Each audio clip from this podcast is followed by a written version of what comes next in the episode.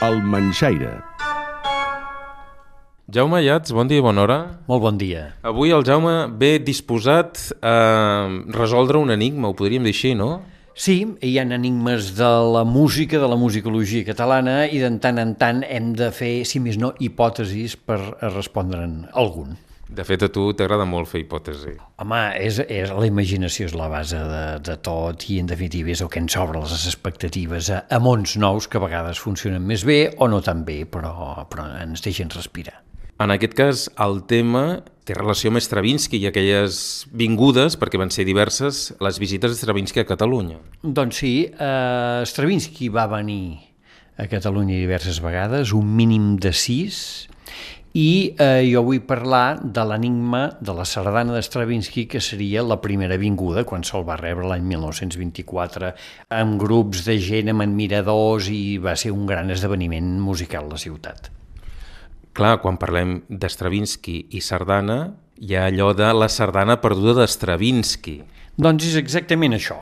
Els músics de copla expliquen, probablement des de fa cent anys, un, diguem-ne, enigma musical que els té apassionats i que a mi m'han explicat en diverses ocasions. Saps allò, als últims 30 anys, poder, poder mitja dotzena de vegades, que és que Igor Stravinsky aquest any 24 mmm, va tenir una recepció especial, va venir a dirigir, però va tenir una recepció especial d'admiradors que es va fer a l'Ateneu barcelonès i la Copla Barcelona li va presentar una selecció de sardanes obres de Garreta, de Pep Ventura, de Morera, de Pujol, de la Mot de Grinyon, tinc apuntat aquí també, d'en Casademont, i que li va interessar moltíssim.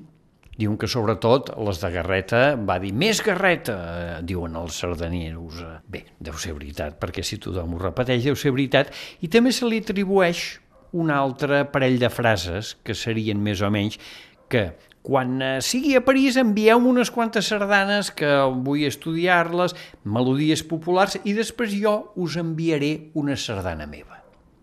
I aquí ve l'enigma. Aquesta sardana la va fer, no la va fer mai, la va fer i s'ha perdut, és encara entre els papers d'Estravinsky o simplement és una llegenda que el món sardanista evidentment ha de cultivar, però que no tenim testimonis. Per tant, des de llavors, els músics de Copla parlen d'aquesta sardana perduda d'Estravinsky i eh, s'han fet tot tipus de cables i d'imaginacions. Ara resulta que la Biblioteca de Catalunya, ara fa uns mesos, van acabar al desembre, van fer una exposició sobre els 100 anys de la secció de música de la biblioteca, van treure una sèrie de documents, eh, van mostrar eh, diverses obres, diversos, i els hi va sortir una dedicatòria d'Igor Stravinsky. Evidentment la van posar a primera línia, un compositor com Stravinsky no passa així com així. I veient aquesta dedicatòria pot ser que l'entrellat de la qüestió ja estigui resolt. Simplement, el llibre de dedicatòries, el 18 de març de 1924, signat a Barcelona, en francès, Igor Stravinsky hi va escriure Jorovot, sardana de l'oiseau de feu, per tant l'ocell de foc. I a sota hi va copiar quatre compassos de la melodia binària d'aquest fragment de l'ocell de foc, que és el denominat, eh, traduint-ho, el ball rodó de les princeses. A sota hi afegeix, intento traduir el francès, un ben petit record als admirables músics de l'orquestra Pau Casals, amb els quals he treballat 12 feliços dies a Barcelona. I signa Igor Stravinsky. I efectivament va dirigir uns concerts amb l'Orquestra Pau Casals a Barcelona i amb aquests concerts, a més a més, van tocar l'Ocell de Foc, la suite de l'Ocell de Foc.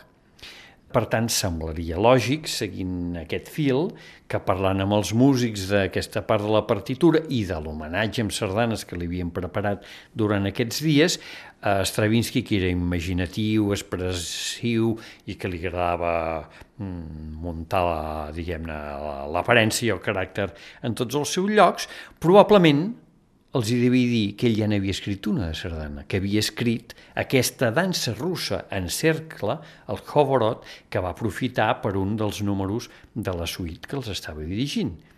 I que efectivament té algunes semblances formals amb les sardanes perquè és eh, binària, i per tant per ell devia ser una cosa relativament semblant. De fet és un ball rodó, ell el titula Ball rodó. Uh, sí, uh, sí, diu el Rom Dance, per tant ball rodó seria així, uh, amb, amb la versió en anglès, i, per tant, quan va fer la dedicatòria, suposo que volia seguir la beta a la conya que havia triomfat amb els músics de l'Orquestra Pau Casals i els hi va fer aquesta dedicatòria. D'aquí, al meu entendre, seria fàcil deduir-ne eh, la llegenda, l'enigma llegenda, només hi hauria un pas. I li van agradar les sardanes, eh, resulta que eh, va fer eh, aquesta conya, per tant, pels músics, Stravinsky havia escrit una sardana eh, l'oralitat és traïdora, ja sabem com es fa, probablement amb això ja tindríem l'anima resolt i sobretot tenint en compte que els concerts de Quaresma de l'Orquestra del Liceu de 1936, 12 anys després, ell hi va tornar a programar l'Ocell de Foc, per tant, eh, potser eh, alguna petita broma hi tenia a veure. O sigui que la sardana Stravinsky ja la tindríem. És aquesta melodia, aquest fragment de l'ocell de foc i el que eh, hauríem de procurar, jo animaria algun jove i preparat compositor de sardanes català que ho treballi això, que agafi la melodia Stravinsky, que miri aquesta dansa Hovorot que representa amb el folklore rus, que miri com eh, està situada l'ocell de foc i potser així trobaríem algú que finalment ens fes la composició per tornar o per poder sentir, en definitiva, per primera vegada per copla la sardana d'Estravinsky. Doncs aquí queda llançat el repte del Jaume Iats, a veure si aquest fragment de l'Ocell de Foc acaba sent aquella sardana perduda, ja no d'Estravinsky. Un bon repte per aquest any 2018. Gràcies, Jaume. Fins la setmana que ve. A reveure. La culpa és del Manxaire.